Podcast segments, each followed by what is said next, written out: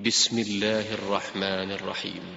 ألهاكم التكاثر حتى زرتم المقابر كلا سوف تعلمون.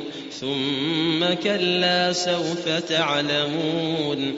كلا لو تعلمون علم اليقين لترون الجحيم. ثم لترونها عين اليقين ثم لتسألن يومئذ عن النعيم.